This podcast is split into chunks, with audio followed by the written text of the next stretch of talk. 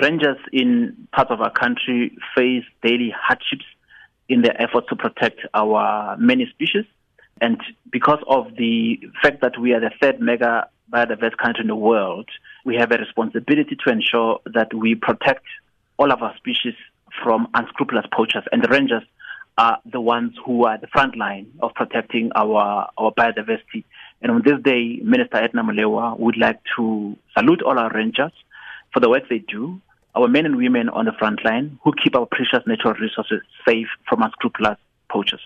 Modise sê Suid-Afrika kort nog veldwagters om die aanslag deur stroopers teen te staan. We still need rangers to on it, you know, given the fact that uh, we've been coming under immense pressure in terms of uh, poaching in South Africa. So we need more rangers now more than ever before. But also largely because of the fact that uh, we have a responsibility to protect our biodiversity as a country. So we will still continue to need rangers uh, in this country and going forward.